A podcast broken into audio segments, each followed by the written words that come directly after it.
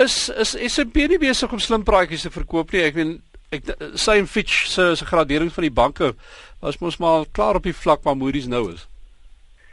Uh dit is heeltemal korrek. So ten spyte van Moody's se afgradering vroeër die week is sy um is Moody's se gradering steeds um, beter as Standard & Poor's. So die feit dat Standard & Poor's nie gevolg het en ook afgegradeer het nie is nie eintlik um sulke goeie goeie nuus noodwendig nie.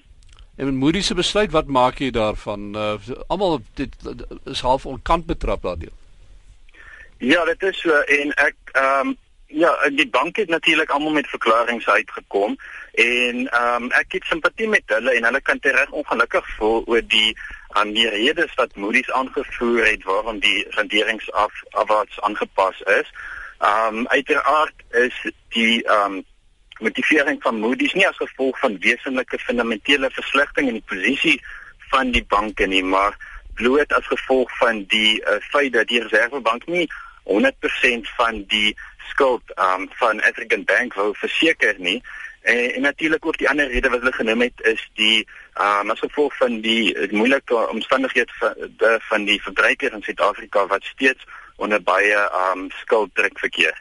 Is tog nie die werk van die Reservebank om almal te beskerm en almal saan vas te hou nie. Nee, natuurlik, um waarom Jill Marcus baie bekommerd was oor African Bank is die moontlike um nagevolge wat vir die um vertroue van die finansiële stelsel in ons land mag hê en en uh, dit is baie belangrik om die stabiliteit um te verseker. Natuurlik, um die situasie was anders met African Bank aangesien sy finansiering meestal um voortspruit uit um effekte en nie uit verbruikers se deposito's nie. Hmm. Um as mens kyk na die ander banke soos Capitec en die die vier groot banke Um hulle het natuurlik baie um verbruikers deposito's, so die manne op straat se geld lê daarso en dit is gewoonlik iets wat die um die reservebanke wil beskerm aangesien as mense vertroue verloor in die stelsel kan hulle vinnig uh, sogenaamde bank run doen en hulle geld onttrek en dan dit kan 'n uh, uh, andersins gesonde finansiële instelling skielik op sy knieë dwing. Maar kom ons kyk 'n bietjie na African Bank en die die implikasies van sy probleme vir hierdie ander banke uh, en mense wat deur daardie banke byvoorbeeld in die geldmark en fondse en sulke goed belê het. Wat wat is die uh, die want want blykbaar daar's da nogal ek dink heelwat ander nuus wat nog moet uitkom. Ons is nog nie heeltemal seker wie en is hoe geraak nie. Ja, dit dit is natuurlik so. So nadat die ehm um, die krisis gekom het, vat dit gewoonlik 'n tyd vir mense om agter te kom wie blootstelling aan wie en ehm um, ja, spesifiek ehm um, ons weet daar's ehm um, oor en weer blootstelling in die banke, spesifieke geldmarkfondse.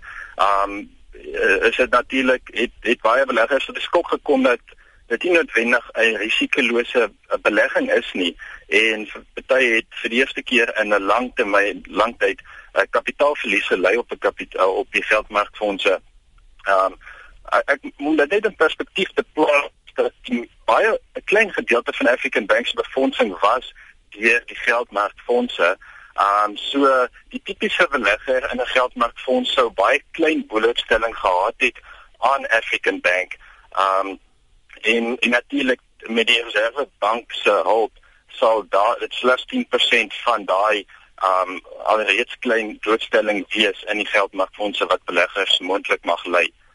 Maar daar was heel wat negatiewe reaksie en en mense kry die indruk dat mense dalk nie altyd die fynskrif lees en presies gaan vasstel hoe werk dit nie en dat wanneer jy belê in iets wat nou uh, 'n bietjie meer risiko loop, 'n uh, 'n geldmarkfonds uh, of dan meer risiko as jy nou uh, in 'n 'n 'n aandeel gaan belê. Uh, dan het dit implikasies vir jou as belegger ook. Uh, jy gaan nie uh, die, die dis nie die bank se werk om die straf te vat as as as jy nou uh, verlies gaan ly nie.